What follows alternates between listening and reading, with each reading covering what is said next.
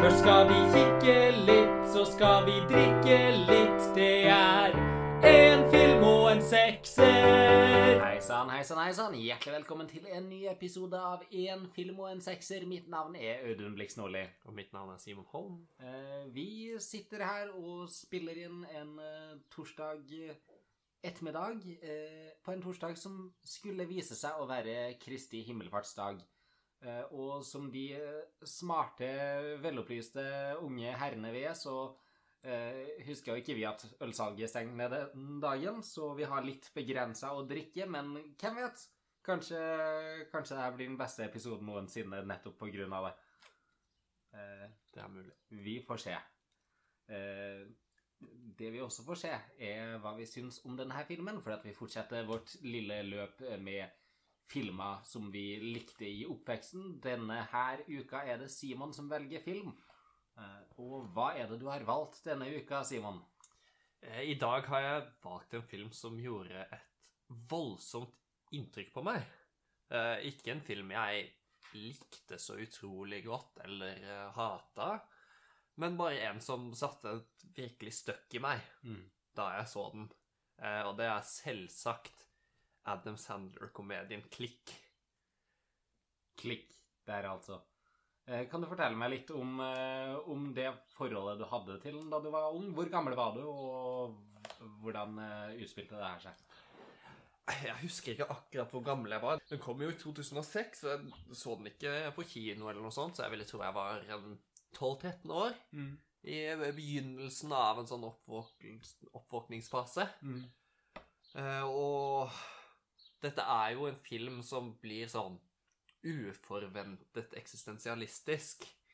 eh, uten at premisset nødvendigvis skulle hinte til det. Og det er jo også en, kanskje en av de første, eller i hvert fall et av de mest ekstreme eksemplene på en film med en voldsom twist Mm. etter hvert i filmen, som eh, får deg til å se på alt eh, Hele opplevelsen med en ny linse.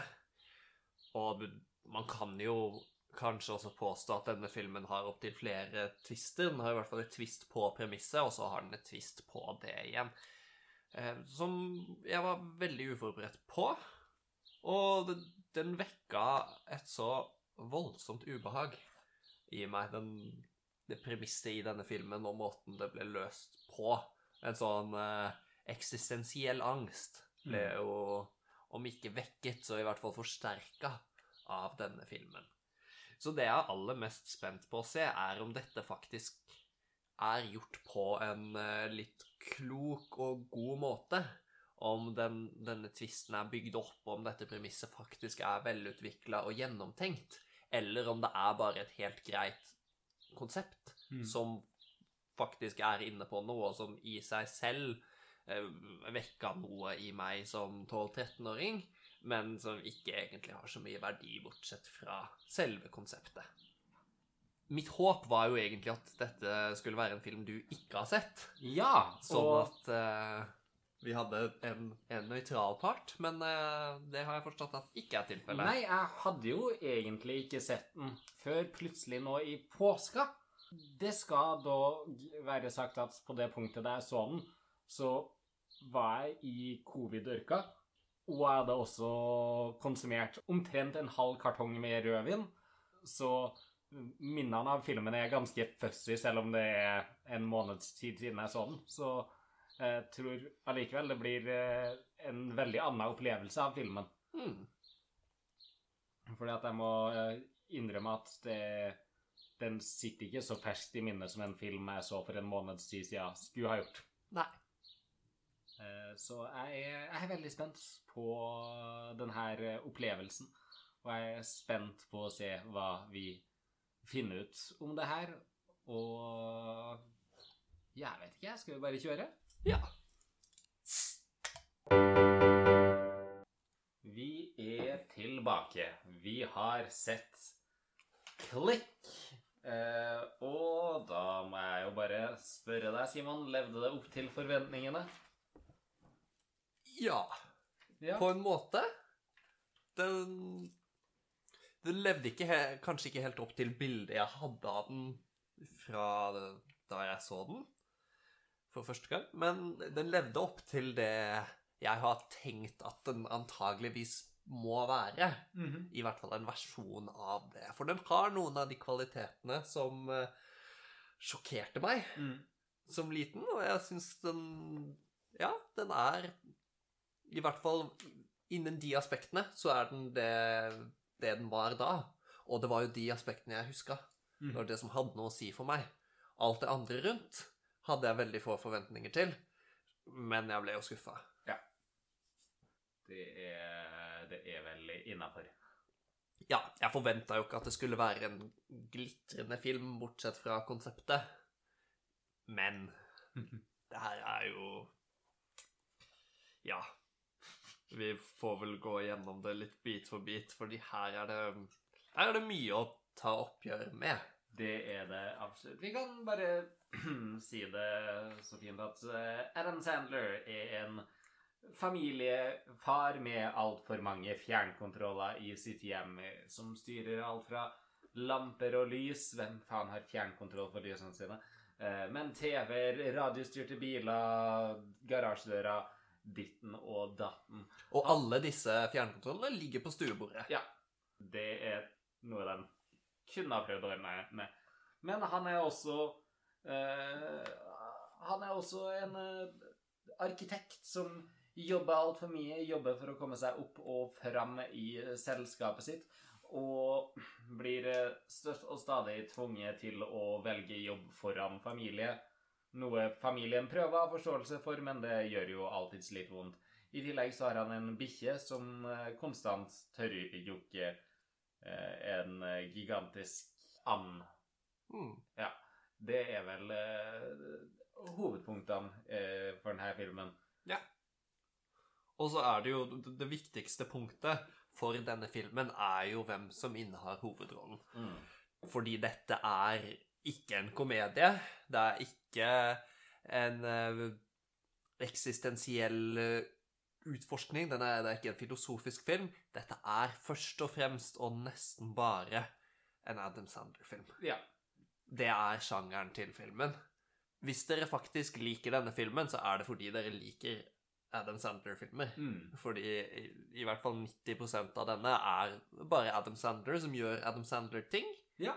På sin unike, frustrerende, støtende Adam Sandler-måte. Mhm. Og så gjør, det, gjør filmen litt andre ting til slutt. Mm. Heldigvis.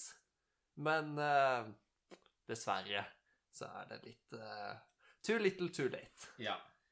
Det her eh, fokus på jobb foran eh, familie eh, Ja, det fører jo til konflikter innad i familien, og det gjør jo han stressa som et helvete, som gjør at han driver og spiser Twinkies og fastfood hele tida, og ikke får nok søvn og ikke får noen ting i det hele tatt.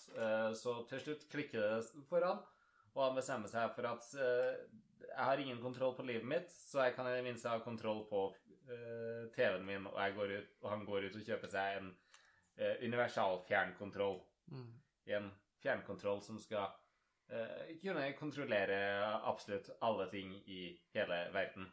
Ja, og det, det høres jo ut som en fin idé, men Mm. universalfjernkontroller, i hvert fall som de eksisterte i 2006, fungerte jo ikke sånn at man bare peker den på en ting, og så Mm. fungerer den på den. Man må jo programmere dette på et eller annet vis. Ja. Og sette den opp, og det, er jo ikke nødvendigvis noe lettere å ha én kjernekontroll til alle. Jeg vil jo tro at den situasjonen som skjer igjen og igjen i denne filmen, at han trykker på fjernkontrollen i håp om å få én ting til å skje, og så skjer noe helt annet, er mer sannsynlig til å skje hvis man har en universal fjernkontroll. Mm. Fordi man glemmer hvilken innstilling den er på, eller hvilken knapp som hører til hvilken maskin. Ja. Så det det er jo en veldig barnslig og korttenkt løsning på problemet, men han er en barnslig og korttenkt person, ja. så det stemmer jo overens. Eh, så abso, absolutt. Men eh, han føler at det her er i hvert fall en måte han kan ta litt kontroll tilbake igjen, så han eh, reiser ut til Bed Bath and Beyond etter eh, opptil flere krangler med sin kone og misnøye i familien og være nødt til å ditche dem for å jobbe nok en gang. Etter den første av mange veldig hatefulle, stereotypiske framstillingene av eh, diverse eh, nasjonaliteter og etniske grupper i denne filmen. Ja. Eh, det er det plenty av to go around. Så drar han da til Bed Bath Beyond og slenger seg ned i en seng eh, før han eh, klarer å finne fram til seksjonen der eh, slike fjernkontroller eh, muligens kan eksistere. Og der møter han jo ingen ringere enn eh, Christopher Walken. Mhm. Og der har du en karakter. Det, er, altså, det er jo bare Christopher Walken. Det er Ja. ikke en karakter. Det er, jeg tror det er sånn Christopher Walken lever livet sitt. Ja, ja, altså det er jo en, i mitt hode. det er jo en Christopher Walken-karakter. Ja. Det, det er ikke noe vi ikke har sett før, men Nei, han er jo han er jo et høydepunkt i filmen her. Ja, ja, ja. Det er, Eh. jeg vil mye heller ha en eh, film styrt av en Christopher Walken-karakter enn en Adam Sandler-karakter, for eh, å si det sånn. Absolutt. Eh, så må jeg også si det her eh, rommet til Walken eh, er jo også eh, et av de få stedene eh, i denne filmen der det er tatt et aktivt og interessant estetisk valg. Ja. Eh, det kontoret hans, lyssettinga der, produksjonsdesignet, er veldig fett. Ja, det er det. Eh, og også hvordan det utvikler seg og endrer seg gjennom filmen. Mm. Eh, har noen utrolig stilige grep. Ja, det er, det er intriguing. Man klarer faktisk å engasjere litt. Så det Absolutt. på- Alt med han er jo definitive I hvert fall relative styrker i Mm. denne filmen. Men uh, han uh, klarer nå å diske opp med en sånn uh, universal kontroll. En kontroll som kan styre alt. Du trenger ikke å gjøre noe med det. Du bare peker den dit du vil, eh, og så trykker du, og så skal alt ordne seg. Og eh, her begynner actionen. Ja, og han Adam Sandler får jo til og med denne gratis, fordi Mm. good guys need a break, og her begynner det jo allerede å blinke litt sånn varsellamper. Fordi Adam Sandler er ikke en good guy. Nei, han har ikke vist vist nevneverdige tegn så langt i filmen til å være det. Altså Han er jo kapitalismens versjon av en good guy, eller drømmeversjon av en good guy, at han prioriterer jobb fordi det må han jo. Det er eneste måten han og familien kan få et bedre liv på, mm. og så prøver han nesten sitt beste ellers. Mm. Så da er han god. Ja, men det er også et av de poengene filmen nesten trekker frem, men aldri klarer helt å fokusere på, enten fordi at de ikke tør, eller fordi at de ikke har tenkt på det, er jo det at når Sandler og kona krangler i denne filmen, så er det så jævla meningsløst, fordi at han prioriterer jobben framfor familien fordi han er nødt til det. Hvis han skal klare å forsørge familien. Det, han har ikke stort annet valg i det her. Eh, Så i stedet for å krangle med hverandre, slå dere sammen og knus det jævla systemet. Ja. Eller i hvert fall kom fram til en løsning som fungerer for eh, begge parter. Og det er jo Altså, du sier han er nødt til det, men det eneste han ville ofra hvis han var litt mer med familien, er jo antageligvis at han ville brukt litt lengre tid på å klatre seg opp i dette systemet. Ja, men altså, da, han har jo sjefen som sier at hvis han fucker opp et prosjekt, så går han tilbake til uh, minstelønn og Det er sant. Den eh, Akkurat der så er det det. Men tidligere så har konsekvensen vært ja, da mister du dette prosjektet. Det Ja, er ja. jo ikke verdens undergang. Men jeg antar at det er mye provisjonsarbeid der. Det Det- nok. eh, går nok eh, utover levestandarden Ja, eh, i den forstand. Fordi at David Hasselhoff virker ikke som en OK sjef å ha. Nei. Rett og slett. Nei. Men ja, han får Han får nær kontrollen av Christopher Walken sin karakter, som heter Morty. Et veldig on the nose-navn, skal det vise seg. Og kommer seg hjem og begynner å oppdage sakte, men sikkert kreftene han har ø, ø, fått i det her. Ja, i hvert fall noe av det. Han innser jo aldri det, det fulle potensialet av denne fjernkontrollen. Nei, men han oppdager hva han kan brukes til. Det gjør han. Og han bruker den nesten øyeblikkelig til å være en drittsekk. Ja. Altså, det, det er litt voldsomt, liksom. Ja, det er så å si eksklusivt det han gjør. Han, Mm. gjør det, han bruker den fjernkontrollen for seg selv, og for å Hva skal man si? Mishandle andre, eller Ja. Utøve hevn og bli som han tolker det som at det har vært drittsekk mot han eller gjort noe han ikke liker. Altså, han er jo den her jævla nabokiden, uh, unge herr O'Doyle, liksom. Og ja, sure, kiden er en drittsekk, men er en fucking kid. Ja, hvorfor er vår protagonist sin hovedrival en tolv år gammel gutt? Hva, hva faen slags grep er det? Hva, hva sier det om han? Hvordan skal det få oss til å like han eller identifisere med han? Er det fordi denne filmen er laget for tolvårige gutter, så man skal kjenne seg igjen i den kampen? Muligens, jeg vet ikke, for jeg lurer på hvem faen denne filmen egentlig er laget for. Hva slags målgruppe har de her? For at halvparten av vitsene er skikkelig eh, Skikkelig, skikkelig laga for småbarn. Mm. Og halvparten er skikkelig grove, eksplisitte seksuelle vitser. Ja. Og så er det jo Hele denne filmen blir jo, i likhet med alle Adam Sandler-filmer, en eh, sånn teit hvit mann-fantasi. Hvor altså, helt vanlige fyrer som egentlig er litt misogynistiske og litt rasistiske, men ikke innser det, Mhm. skal kjenne seg igjen i. Så det, det må jo være noe av det som er for de. Men det er, det er veldig inkongruent. Det er veldig vanskelig å egentlig skjønne hvem, hvem som har vært i tankene deres når de har skrevet det her. Ja. Men, men. Nå har han her kontrollen har lært seg å bruke den. Gått og besøkt Morty for å få litt videre informasjon, og har fått slengt inn litt fatshaming-vitser og den slags i samme slengen, fordi hvorfor ikke? Eh, Og la oss snakke litt om denne kontrollen og dens makt. ja. Fordi det her er jo en, en faktisk universal kontroll. Ja. Eh, I den betydning at den styrer hele universet. Nøyaktig. Sier Morty. Men det er jo ikke helt sant. Fordi den, den styrer jo hovedsakelig Adam Sandler. Og, Den styrer hans opplevelse av Ja. universet. og det, det er litt eh, Det er jo selvsagt fordi det her er en sånn billig voksenkomedie, så er det inconsistencies ja. i hvordan dette fungerer. Eh, Men det er jo sånt man bare må akseptere. Ja, det er litt altså. sånn Ja, når han setter på pause, og når han eh, eh, setter ned lyden og sånn, da er det veldig tydelig bare hans, Mm. hans opplevelse som blir eh, Som er relevant. Mm. Men så, når han spoler, så er han fortsatt til stede på en sånn, i en sånn autopilot-greie. Så mye av det han kan få til med den ene funksjonen, burde han jo heller gjøre med den andre funksjonen. Ja.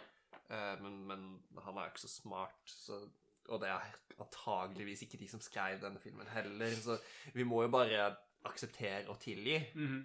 tenker jeg. Men eh, ja, det er jo verdt å nevne. Ja, ja, absolutt. Men ja, den- kan, den kan sette på pause. Mhm. Den kan styre lyd. Yes. Den kan styre farge på Det eneste vi ser, er at den kan styre fargen på Adam Sandler selv. Ja, Men formodentlig også på andre ting. mest sannsynlig. Uh, han kan spole. Mhm. Han kan han, Men han prøver aldri å spole tilbake. Eh, Det virker jo som at han spoler jo tilbake, men bare i den forstand at han hopper tilbake og observerer Ja. eh, ting som tidligere har skjedd. Det, det virker som at du ikke kan gå tilbake og endre på ting som har skjedd, men du kan bare gå tilbake og observere det. Ja, Så det virker jo som at det er en set timeline her, mm, eh, og det er fair. ja, ja det, er, det er egentlig fint. Fordi det, det er jo en sånn meny her Ja. hvor han har bonusfunksjoner. For eksempel en commentary track som ikke er et commentary track. Det er en voiceover, Ja. fortellerstemme. Ja, Skulle tro at filmskapere visste hva commentary track var. Ja, det, jeg, jeg skulle gjerne sett denne med et commentary track for å vite om de fant ut av det til slutt, eller om det commentary track til denne filmen bare er James Earl Jones som narrater filmen. Det hadde vært veldig Det, gøy det også. hadde vært en veldig Det hadde antageligvis løfta opplevelsen. Ja. Men eh, ja, han kan også få tilgang til minnene sine, og han sier han kan gjenoppleve de, men han Mm. kan bare, som du sier, observere de. Ja. Han kan ikke reise tilbake i tid og være i øyeblikket. Han kan bare se det fra utsiden, som Mm. seg selv. Og så er det flere funksjoner her som filmen ikke egentlig bryr seg om, Ja. eller undersøker. Det er jo det er bare sånn det er. Det hadde vært mye gøyere om det her bare var en halvannen times gjennomgang av hva denne fjernkontrollen kunne gjort. ja. Fordi det er jo jeg, jeg må jo si det Jeg elsker jo dette som et konsept. Det er veldig gøy. Det er jo noe man alle har tenkt på Ja, konstant. det er jo det. jeg skulle bare ønske at den fjernkontrollen endte opp til, i hendene til hvem som helst ellers enn Adam Sandler. Mhm. Fordi hvis vi tar eksempel den her pausefunksjonen, Ja. som er noe av det mest broken som kan eksistere, og noe jeg tror vi alle har tenkt på hva vi ville ha brukt til, oh, ja. så bruker han det eksklusivt til å seksuelt trakassere andre. Mm. Eller, Eller- eh, banke dem opp. Eller skade dem. Ja. Ja, det er de to. Det er prompe i trynet, slå de, dra ned buksa på de. Mm. Sånne ting som det. Ja.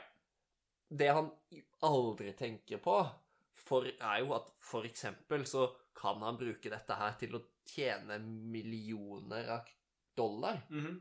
Bare ved å Jeg vet ikke, pause og rane en bank, eller liksom Ja, eller det du kan gjøre i stedet for uh, I stedet for er at hvis du har mye jobb, sett på pause og gjør jobben Ja. din, og så play igjen. Oi, ferdig med arbeid. Hei, familie.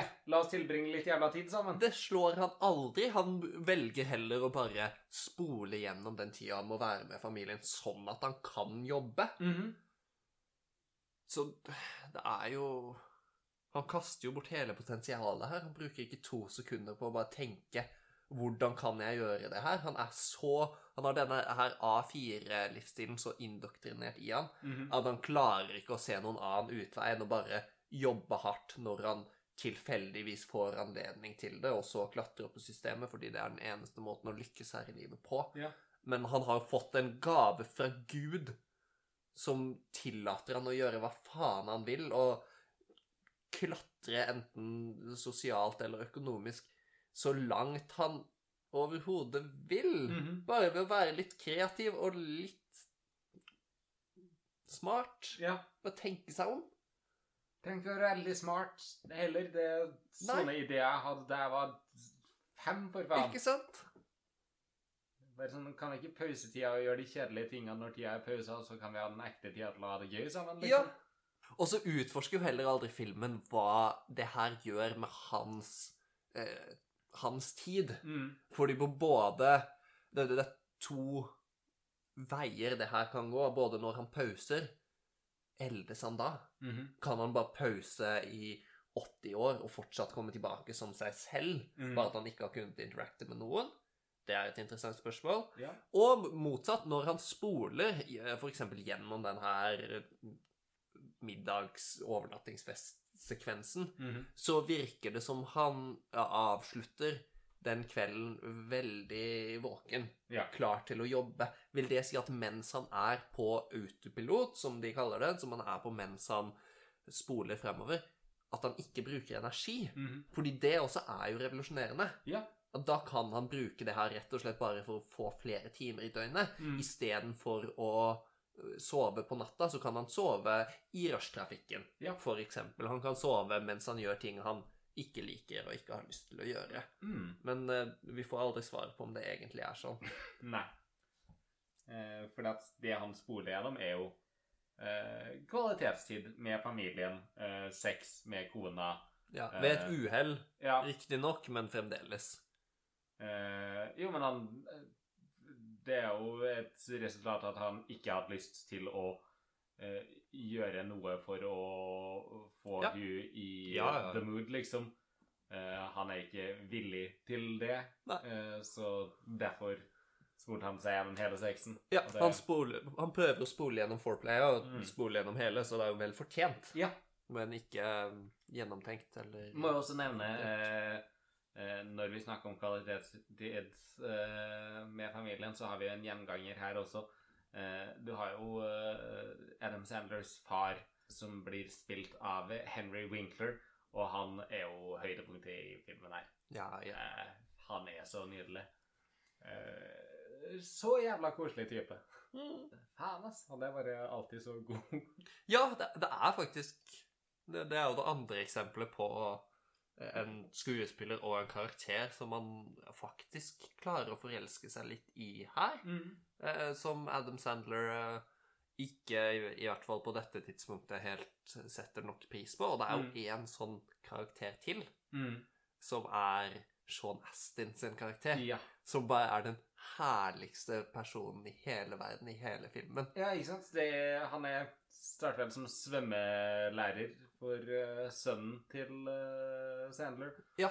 Og bevege seg videre oppover i hierarkiet derfra. Mm. Um, Og Så positivt, så koselig, så givende og velmenende og bare ønske å bidra og kunne gjøre det beste ut av enhver situasjon for absolutt alle. Ja, og som de to andre vi nevnte, spilt av en sånn fantastisk sjarmerende og flink skuespiller. Som man bare har lyst til å elske, og det gjør man jo. Og det, det skader jo filmen veldig at mm. Adam Sandler ikke klarer å gjenkjenne disse kvalitetene Ja. i andre folk. At det blir så utrolig vanskelig å heie på Adam Sandler fordi han er en drittsekk til folk som mm. Sean Astin Mhm.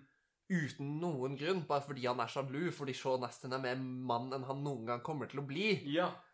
Og det er jo hovedproblemet i denne filmen. At, og som, hvis vi skal trekke inn min opplevelse av dette som eh, Jeg vet ikke, som 12-13-åring, Mm. så vil jeg antageligvis ha heid på Adam Sandler bare fordi jeg var veldig sårbar for sympatistrukturer. Ja. Det er veldig lett å få uerfarne filmseere til å heie på hovedkarakteren bare ved å gjøre de til hovedkarakteren. Mhm. Og det lyktes de med da, og da er jeg jo med på denne reisen, og da heier jeg på Adam Sandler, og da gjør det litt vondt når han ved, med uhell lider av sitt fjernkontrollbruk, og verden faller sammen rundt han. Mhm. Men når jeg i voksen alder ser dette og hater Adam Sandler med hvert eneste fiber i min kropp, så blir det jo aldri gripende på den måten. Og det er utrolig synd. Mm. Fordi dette er Dette hadde vært en så ekstremt mye bedre film hvis én man lo av en vits her og der, mm. som var bare noe morsom, eller i hvert fall nøytral, ikke-støtende, ikke-teit humor som man, som man kunne knytte seg til. Mm. Eller to, hvis man bare på et eller annet tidspunkt før de siste ti minuttene tolererte hovedpersonen. Ja. Men det er dessverre ikke tilfellet. Nei. Eh, liksom, jeg har sympati for situasjonen han er i. Eh, men det. han håndterer det ikke på en ordentlig måte, verken før eller etter han får fjernkontrollen, liksom. Nei. Og da er det sånn Du, må skjerpe deg. Ja. Du må faen meg skjerpe deg. Ja, sett på pause og jobb med deg selv, gutten min. Mhm. Eh, Men ja, vi beveger oss jo videre, og eh, vi får lære en, ting, en til ting om denne fjernkontrollen. Og det er at den har en eh, eh, merkelig AI i seg, eh, som gjør at den eh, lærer eh, av dine tidligere valg og bestemmer at den skal gjenta dem for deg. Mm. Og det vil si siden Adam Sandler hovedsakelig bruker den her til å spole over kvalitetstid med familien og sex med kona, så kommer den alltid til å spole over kvalitetstid med familien og sex med kona. Mm. Og det, det er den første tvisten Mm.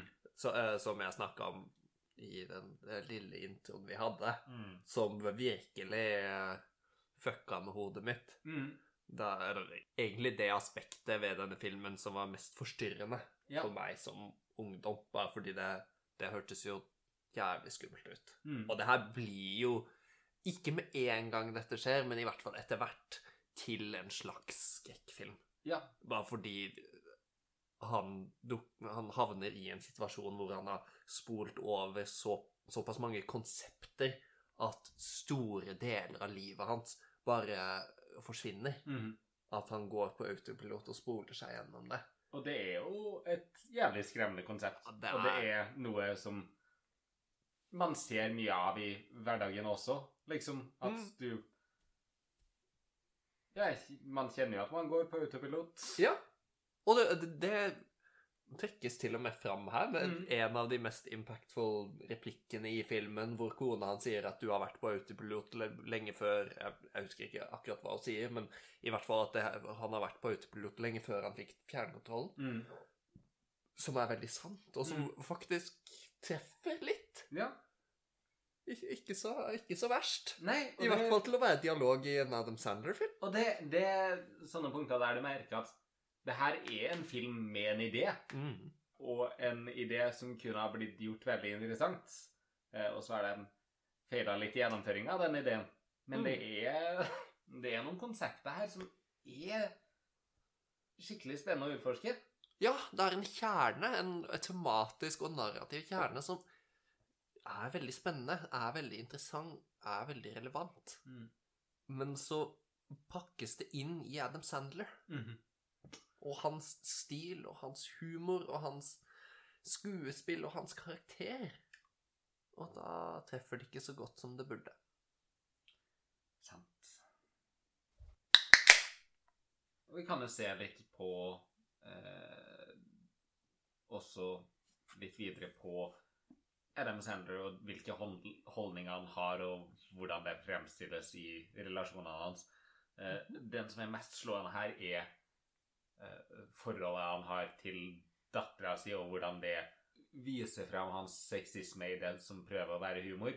Mm. Og det er noe av det første vi hører eh, han si til dattera si når kidsene hans på hva er han, sånn seks og åtte eller noe sånt sikkert på Ja, den tida.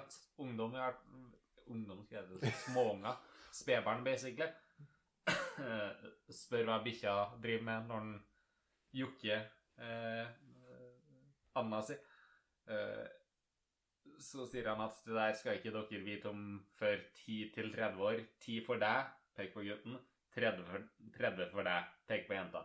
Som eh, er en weird ass ting å gjøre, og bare sånn Og føle at du skal ha så eierskap over eh, din datters eh, kropp og seksualitet, og i hvert fall å snakke sånn til et veldig, veldig lite barn, liksom. Mm. Og etter det Etter det her, hver gang vi får se hun, eh, dattera, eh, i diverse stadier av livet når hun blir mer og mer voksen, så er jo alt han sier til henne, er ta på deg mer klær, ikke ha utringning, slutt å se ut som en seksuell skapning. Eh, driver rett og slett og slutshamer dattera si og seksualiserer hun på en veldig, veldig creepy måte. Ja, ja, for når, hun, når han ikke sier akkurat det, så sier han jo 'wow, så fine pupper du har fått'. Mhm. Og så er det sånn 'Å ja, du er datteren min. Um, Ups. Ta på deg klærne, din hore'. Mhm. Det spilles jo for humor uh, i denne filmen, men det er jo helt fucka. Uh, og han skal liksom ha muligheten til å ha en redemption på slutten. Det er jo Ja. hele poenget med denne filmen, at han skal ha en redemption, men ja. Den siste scenen når han er tilbake i begynnelsen, ting har gått bra og sånn, og han ser sin fem-seks, et eller annet, den alder år gamle datter, og gir henne en klem, eh, så sier han eh, vi skal på camping, ta med deg en genser og aldri ta den av. Mm. Liksom Det her er jo en holdning som for det første er altså, bare støtende i seg selv. Mm. Det, den spiller det som at uh, jenter ikke Altså det at jenter har sex, eller en datter har sex, er så veldig mye verre og mye farligere. og Det, er bare en kjedelig, kjip, eh, dessverre altfor prevalent holdning å ha. Mm. Men det er jo også problematisk fordi det er skadelig Mm. det her er en holdning som har blitt holdt så lenge og av så mange at det har jo faktisk hatt innflytelse på hvordan vårt samfunn, eller kanskje vårt samfunns syn på det, har påvirka holdning. Det, jo, Mhm. det går frem og tilbake. Men synet på hvordan kvinner har sex, og når de skal ha sex, og får lov til å ha sex, og hva de kan gjøre.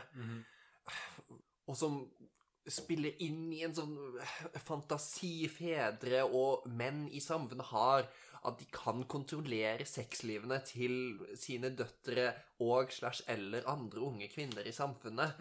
Og at eh, dette har ført til dårligere eh, seksualundervisning for kvinner i, Mhm. i veldig store deler av verden i veldig lang tid, bare fordi man skal benekte at de har, har seksualitet, og derfor anerkjenner man ikke at de har seksualitet, og da får ikke de selv heller lære om sin egen seksualitet og utforske den på en trygg måte. Ja. Så det er jo skadende for alle. Og hvorfor er det en god situasjon for deg hvis din datter ikke lærer om sex før hun er 35? Hva Mhm. faen er det for et good case scenario å ha i hodet ditt? Ja. Adam Sandler, kan du ikke bare vokse opp? Det, det er rett og slett bare hatefullt. Og fuck, man skulle tro at Altså, 2006 er ikke lenge siden. Og det, det er ikke sånn at sånne vitser ikke gjøres i dag heller. Nei. Og Og det- en, kan vi komme oss fucking over det? hadde det vært en throwaway-vits, Mm. så kan man tilgi det, men det er at Det er en tematisk linje i filmen på Ja, det er, det, det er så å si den første vitsen, den siste vitsen og flere vitser innimellom. Mhm. Det er jo den viktigste vitsen denne her filmen har å tilby. Ja. Bortsett fra kanskje den hunden som knuller en and. Mhm. Og hvorfor var det så morsomt, Adam? Nei, det er jo nøyaktig det det ikke er, da. Eh, Nei. og Nei, eh, et av mange punktene denne filmen bare må skjerpe seg på. Hvilke andre punkter denne filmen må skjerpe seg på, bortsett fra alt? Vi kan jo gå bare snakke litt om, om vitsene, Mm. siden vi først er der nå. Ja. Ja, det er, det er mye man kan si om vitsene i filmen her. Det meste av det er negativt. Det, det første jeg vil trekke fram, er hvor mange av vitsene som bare er ha-ha, se, og så et eller annet konsept mm. som filmen ser på som morsom, eller forfatteren ser på som morsomt. Og det, jeg noterte ned noen av de i hvert fall. Skal vi se om jeg finner de igjen, da. Det var i hvert fall ha-ha, pupper. Mhm. Eh, det var ha-ha transseksuell. Mhm. Det var ha-ha sexual harassment. Mhm. Det var ha-ha kvinner som ikke ses på som attraktive uten, ut fra vestlige standarder. standarder. Ja. -hmm. Det var ha-ha feit. Mm -hmm. uh, og det var ha-ha asiatisk. Ja. Og det Ja. Det at det er så mange av de vitsene som ikke Det er jo ikke vitser engang. Nei. Man kan ikke se på det som vitser fordi det fortelles ikke en vits, det bare presenteres et konsept. Men det er et eller annet med måten scenen fungerer på, måten kamera og lyden fungerer på, som gjør at man får en sånn følelse. Ja. Det, det er nesten Det er ett steg unna å være et laugh track i bakgrunnen. Ja, det, Så man må det bare sånn Oi, se, det her Det her er jo ikke det vi vil ha. Hæ? Ja. Og så hviler kameraet der, og så blunker en av skuespillerne inn i linsa og er sånn Le da, din jævel, dette er morsomt. Og så er det ikke det. Nei. Og så er det jo bare så mange Det, det er veldig mye litt dårlige vitser her. Mm. Eh, Jeg, jeg tror ikke jeg lo på et tidspunkt hvor filmen ville at jeg skulle le. Nei. Mm. Men jeg lo noen andre ganger, da. Bare sånne merkelige ting som filmen gjør. Ja. Og det er jo noe Jeg lo av enkelte steder der filmen kanskje mener at du skal le sånn i f.eks. scener med Christopher Walken og Henry Winkler. Ja. Fordi at de var karakterer som ble skrevet utenom de problematiske situasjonene, og som er utført på en jævlig kompetent og sjarmerende måte. Mm. eh, som gjør at Ja, som gjør at du kan nyte deres screentime. Mm. Og bare fordi de er compelling komedieskuespillere, Ja. i motsetning til Adam Sandler. Men ja, det er jo denne filmen. Uh, Sandler mister mer og mer av livet sitt. Vi går mer og mer inn i framtiden. Uh, han går gjennom diverse sykdomsperioder, blir CEO for selskapet, mister kontakt med familien, blir skilt fra kona, og kona eh, gifter seg med Sean Austin, som Yes, good. Sånn liker vi det. Ja. Eh, og eh, Ja. Sånn beveger vi, seg, vi oss fram. Han mister alle de viktige milepælene i livet sitt og livene til sine barn. Mister sin egen fars død. Eh, mister alt eh, før han popper opp på eh, sin sønns bryllup eh, som en gammel, trist, ensom versjon av seg selv. ja. Det blir jo rett og slett en eksistensiell tragedie. Mm. Og på et eller annet nivå her så spiller den jo på noe som fungerer. Ja. I hvert fall. Det her Som sagt, er det her er et Det her er en jævla god idé. Det er det. Det, det er fortsatt fryktelig nytende Mm. hvordan dette går, og hvor fort det går, og hvor Den følelsen av at han gradvis mister kontrollen over sitt eget liv, som når et punkt at han ikke engang kan vite når han kommer til å være til stede og ikke, Mm. og som gjør at han Altså, tida At tidsforløpets hastighet eksponentielt øker fram til hans død. Mm. Det er jo veldig skummelt. Ja. Og en kul idé. Ja. Og av og til Altså, jeg vil si det at den siste La oss være sjenerøse og si de siste 40 minuttene, kanskje siste halvtimen, Mm. er ganske bra sånn dramaturgisk og historiefortellingsmessig. Jeg, jeg, jeg vil påstå at fra når han våkner opp etter den perioden han har vært fett, Mm. eh, der er det mye Veldig mye interessant som skjer. Ja. Jeg syns jo den scenen på kirkegården der han tar farvel med faren sin Mm. og går tilbake til det siste minnet med han, det er jævlig effektivt. Ja, det fungerer. Det er sterkt. Mm. Og det, denne filmen er jo 1,45-ish. Ja. De kunne bare eller Den hadde vært den beste versjonen av dette Nei, den nest beste versjonen av denne filmen hadde vært en timeslang film. Mm. Hvor her, de her første to aktene er komprimert som faen. ja.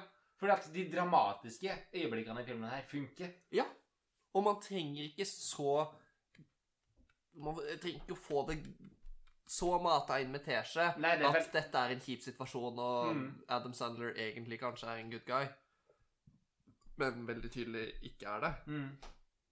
Det, det er veldig mye eksposisjon og lek fram til vi kommer til uh, hovedretten her. Ja, og uh, veldig mye teite vitser. Ja.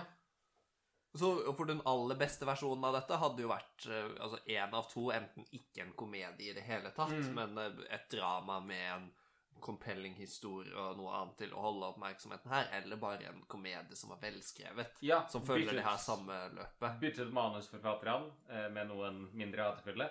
Og gjerne bytte ut hovedrollen også. Ja, ja. Eh, hvem eh, kunne du likt å se eh, komedieskuespillere som var i rett alder og rett sted i karrieren i 2006? Go. Oi, oi, oi. Skulle til å si Paul Rudd, men jeg vet ikke helt. Jeg tror Tror kanskje det blir litt absurd for han. Ja, han var vel litt ung da også. Nei, 2006 Han hadde jo gjort 2006 jobba i et par år før I Love You Man. Ja Jo da. Eh, så kunne Ja. det funka. Det kunne ha gått. Eh, hvem ellers? Altså Jeg tror eh, kanskje Jim Carrey kunne ha funka ah. i en sånn her, når du ser noen av eh, de tingene han har gjort som er mindre absurde, han går i en mer seriøs eh, skuespillerteknikk. ja, denne filmen på mange måter er jo ikke så mange steg unna Eternal Sunshine of a Spotless Mind. Mm. Så det, det kan jeg absolutt skrive under på. Ja. Det, altså, Så hvis du hadde fått Kaufman til å ta en uh, variant av manuset her, og fått Jim Carrey til å spille hovedrollen, Ja, Da, da kunne det vært en uh, knallsolid film. da begynner vi å snakke, altså. Ja, det kan vi kjøre en remake. Ah, veldig gjerne. Jeg, jeg tror dessverre det løpet er kjørt. Ja. Fordi konseptet har blitt brukt. Og det er jo det, er jo det tristeste med denne filmen, at dette er et veldig bra konsept. Mm. Det er en kul historie. Det, faktisk, det, det ender opp i en fin moral. Mm. Og hans reise er tilfredsstillende. Ja, det ender med at Å nei, alt var bare en drøm. Nå Ja. har jeg en ny sjanse på livet. Det, er, det har blitt gjort, og det er litt billig, men det fungerer på et visst nivå. Ja. eh, og for at det ender jo der med ja, han får hjerteinfarkt i sønnen sitt bryllup og tar et hjerteskjærende farvel og lærer en lekse om at du bør elske familien mer enn jobben. Eh, og bla, bla, bla. Og så våkner opp i den samme senga i Bed Bath and Beyond og drar hjem til familien eh, og er glad i dem. Eh, og det er fint. Problemet er at det løser ikke problemet de hadde i starten.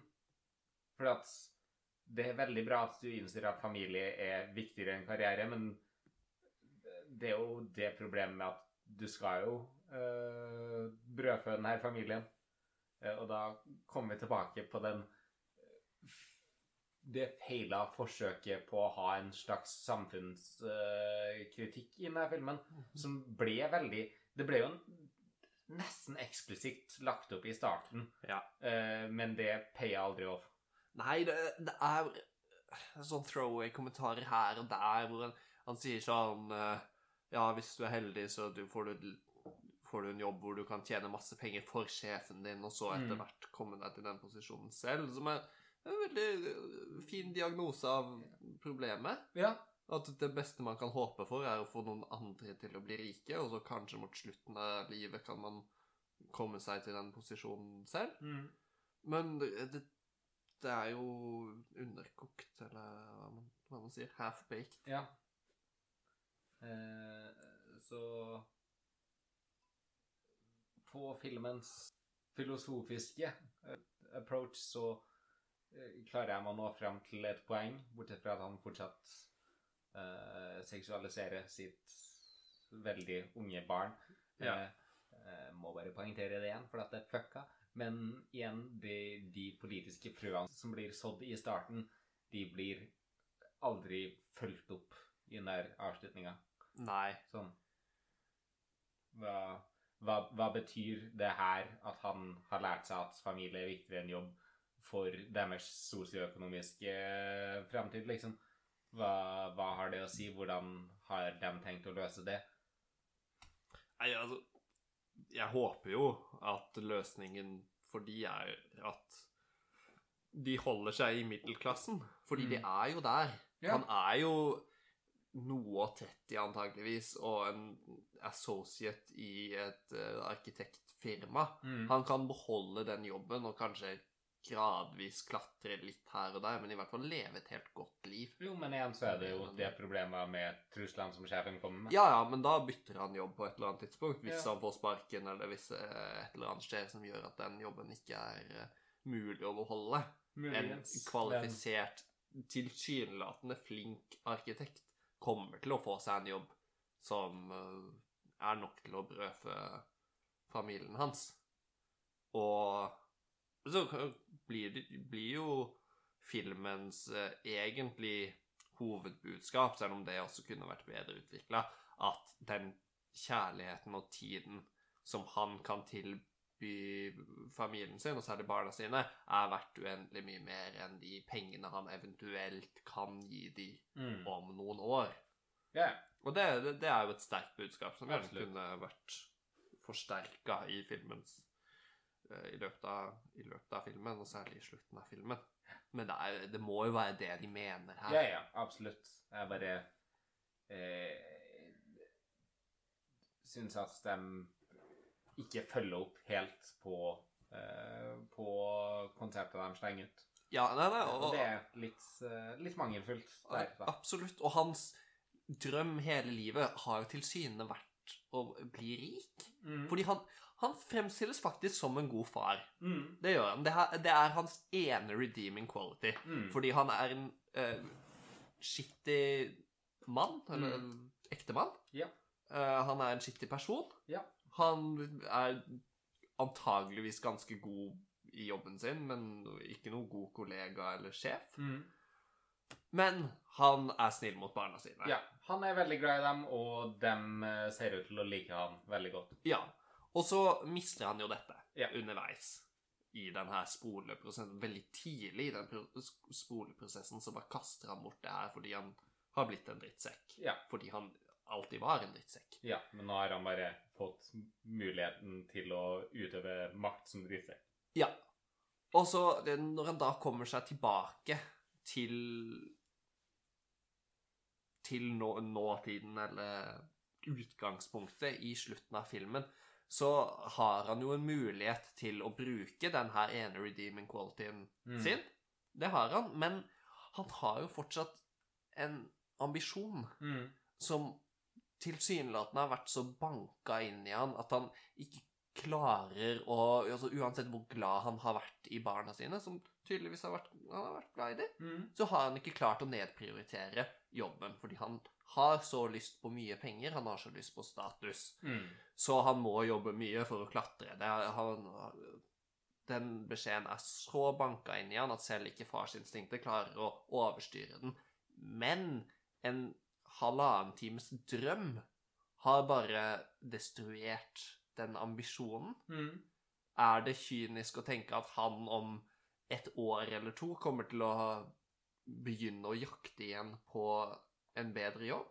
På en høyere status? På mer penger? Mm. Og Fordi- i det til tilfellet også kommer han da til å forakte familien for å trekke han vekk fra det, den stigen han allerede var på. Ikke sant? Det her er jo en Altså, vi ser jo Sånn man Jeg tenker man må lese denne filmen, er at vi ser alt han drømmer. Mm. Fordi jeg tenkte litt over det underveis. Er det noen ellipser her hvor man hopper over egentlig handling? Men etter hvert, i hvert fall, så ser man det han ser fordi uh, alt det andre spoles over. Mm.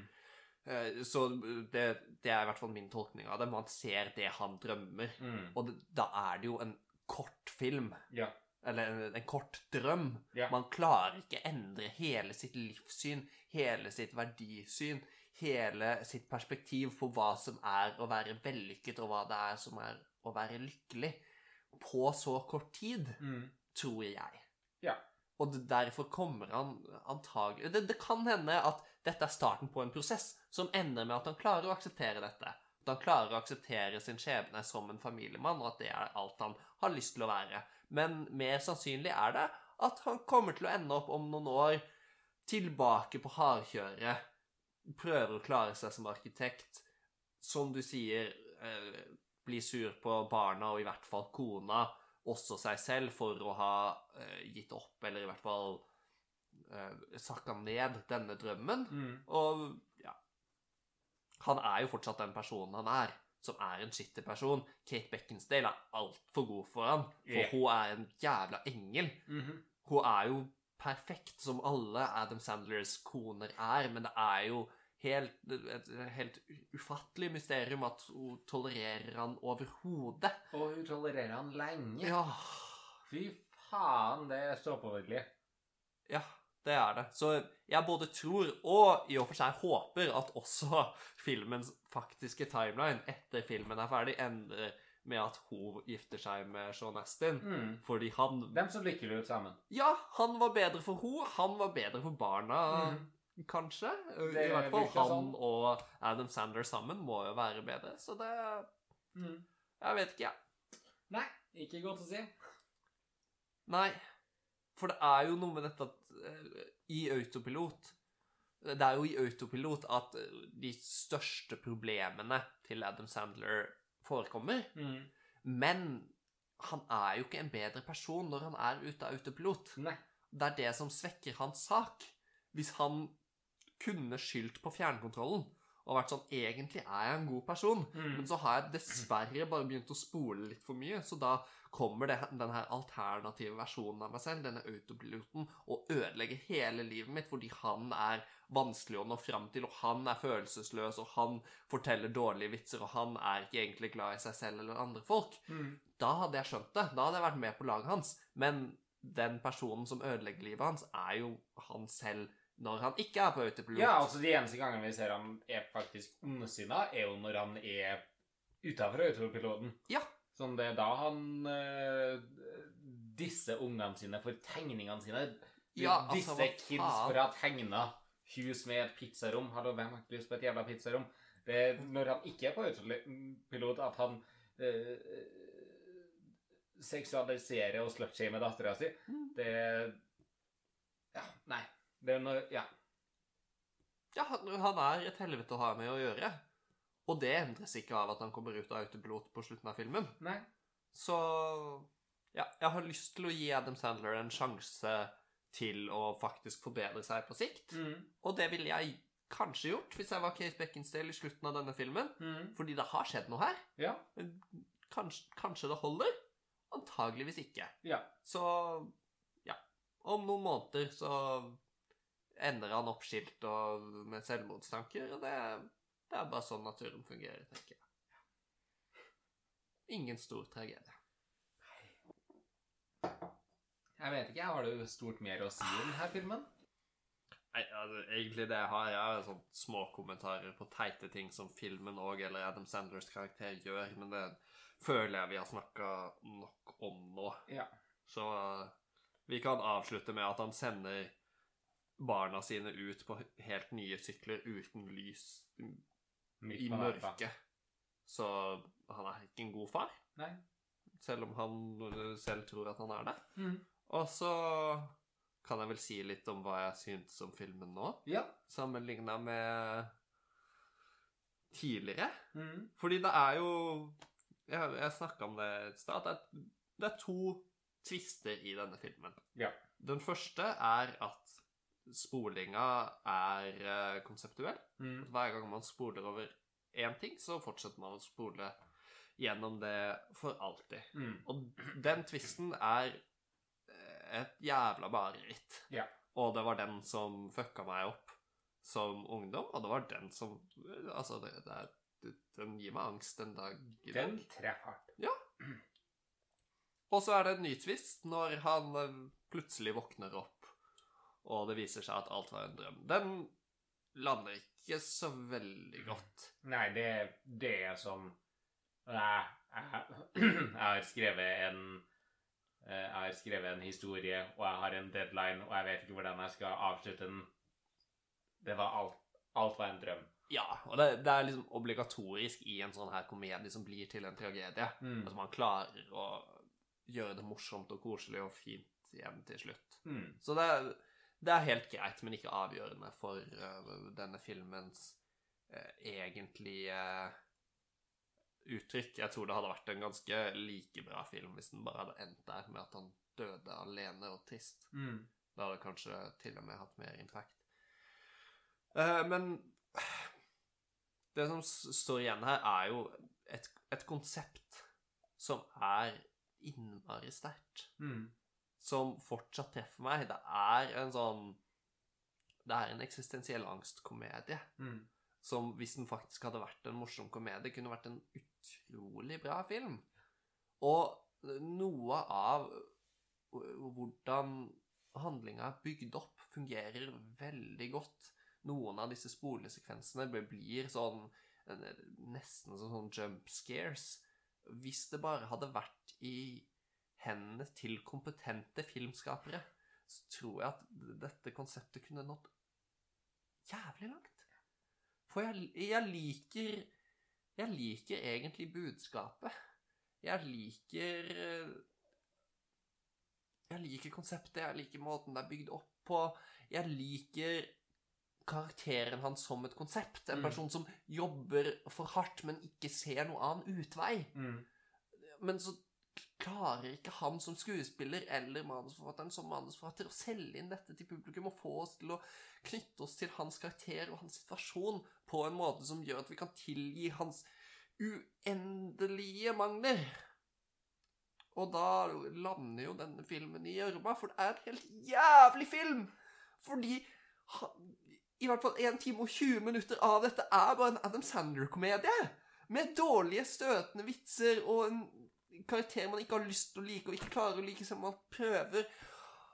Og det, det, det, er så dårlig pacing. Det er så for jævlig skrevet. Scener bare hopper mellom hverandre uten noe gang, uten noe rytme. Vitsene bare dukker opp ut av intet og klarer ikke å lande med en punchline, selv når det er en punchline, som dessverre ikke engang er alltid. Og så kommer det siste 20 minutter som nesten klarer å gjøre opp for denne forferdelige opplevelsen som er å sitte gjennom en midten av 2000-tallet Adam Sandler-film. Fordi det fungerer. Og en del av dette Adam, disse Adam Sandler-kvalitetene er jo poenget. At han skal være unlikable fordi han skal ha kapasitet til å komme seg igjen. Han skal være for mange ting. For mye av mange ting. Sånn at han kan justere dette ned og ende på et til slutt et sted hvor han er en passe mengde av disse tinga. Mm. Men han går så jævlig langt over streken i alle aspekter at selv om han til slutt ender opp som en bedre versjon av seg selv, så er han fortsatt et helvete å ha med å gjøre, både som skuespiller og som karakter, og som Han må jo ha en finger med i spillet når det kommer til å skrive de her Adam Sandler-komediene, for alle er jo helt like. Så faen ta Adam Sandler. Jeg skulle så inderlig ønske at Jeg vet ikke hvem som hadde ideen, konseptet til denne filmen. Jeg håper at det ikke var Adam Sandler. Mhm. Fordi da vil det i et alternativt univers eksistere en versjon av Klikk som ikke har noen ting med Adam Sandler å gjøre. Og den skulle jeg så veldig gjerne ha sett. Har du noe å avslutte med? Vel, du kom jo helt på slutten av den jævla monologen din og stjal poenget mitt. I en, I en av de andre tidslinjene så finnes det en jævlig bra versjon av denne filmen der du har rett manusforfatter, Kaufman, eh, rett skuespiller, hvem som helst annen, eh, og rett regissør. Eh, hvem skulle vært rett regissør? Jeg vet ikke. Men det er mange å velge i, men jeg valgte ikke rett her. Eh, og jeg har jævlig lyst til å se den, for at det her er en jævlig god idé. Konseptet er bra, og de dramatiske sekvensene i denne filmen eh, er tidvis dritsterk. Eh, men denne varianten når ikke opp til det. Beklageligvis. Denne filmen kan kan sees, men jeg anbefaler å ha en drøy liter vin innabords uh, når du gjør det, for da er det en uh, bedre opplevelse. Uh, Eller så kan du også drikke en drøy liter med vin og se Eternal Sunshine of the Spotless Mind. For Eh, eksempel. eh, den trenger du ikke å drikke en liter vin for å nyte skikkelig mye heller, for at den er knallsterk. Eh, hva er den her uh, serien med episoder vi gjør nå? En serie med episoder der vi ser en film og så anbefaler en annen? Jeg vet da faen, men det er Jeg, jeg kan også konseptet. kanskje anbefale en annen måte å se denne filmen på, som er rett og slett å ta et ark ut fra filmens bok. Mhm. Spole gjennom den første timen, i hvert fall. Kanskje første timen og 20 minuttene.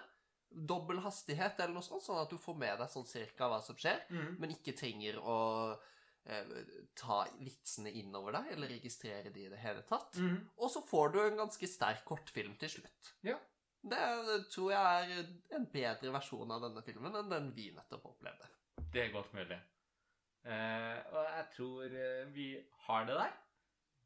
Takk for eh, denne gangen, Simon. Eh, interessant valg av film, og veldig gøy å snakke med deg om den.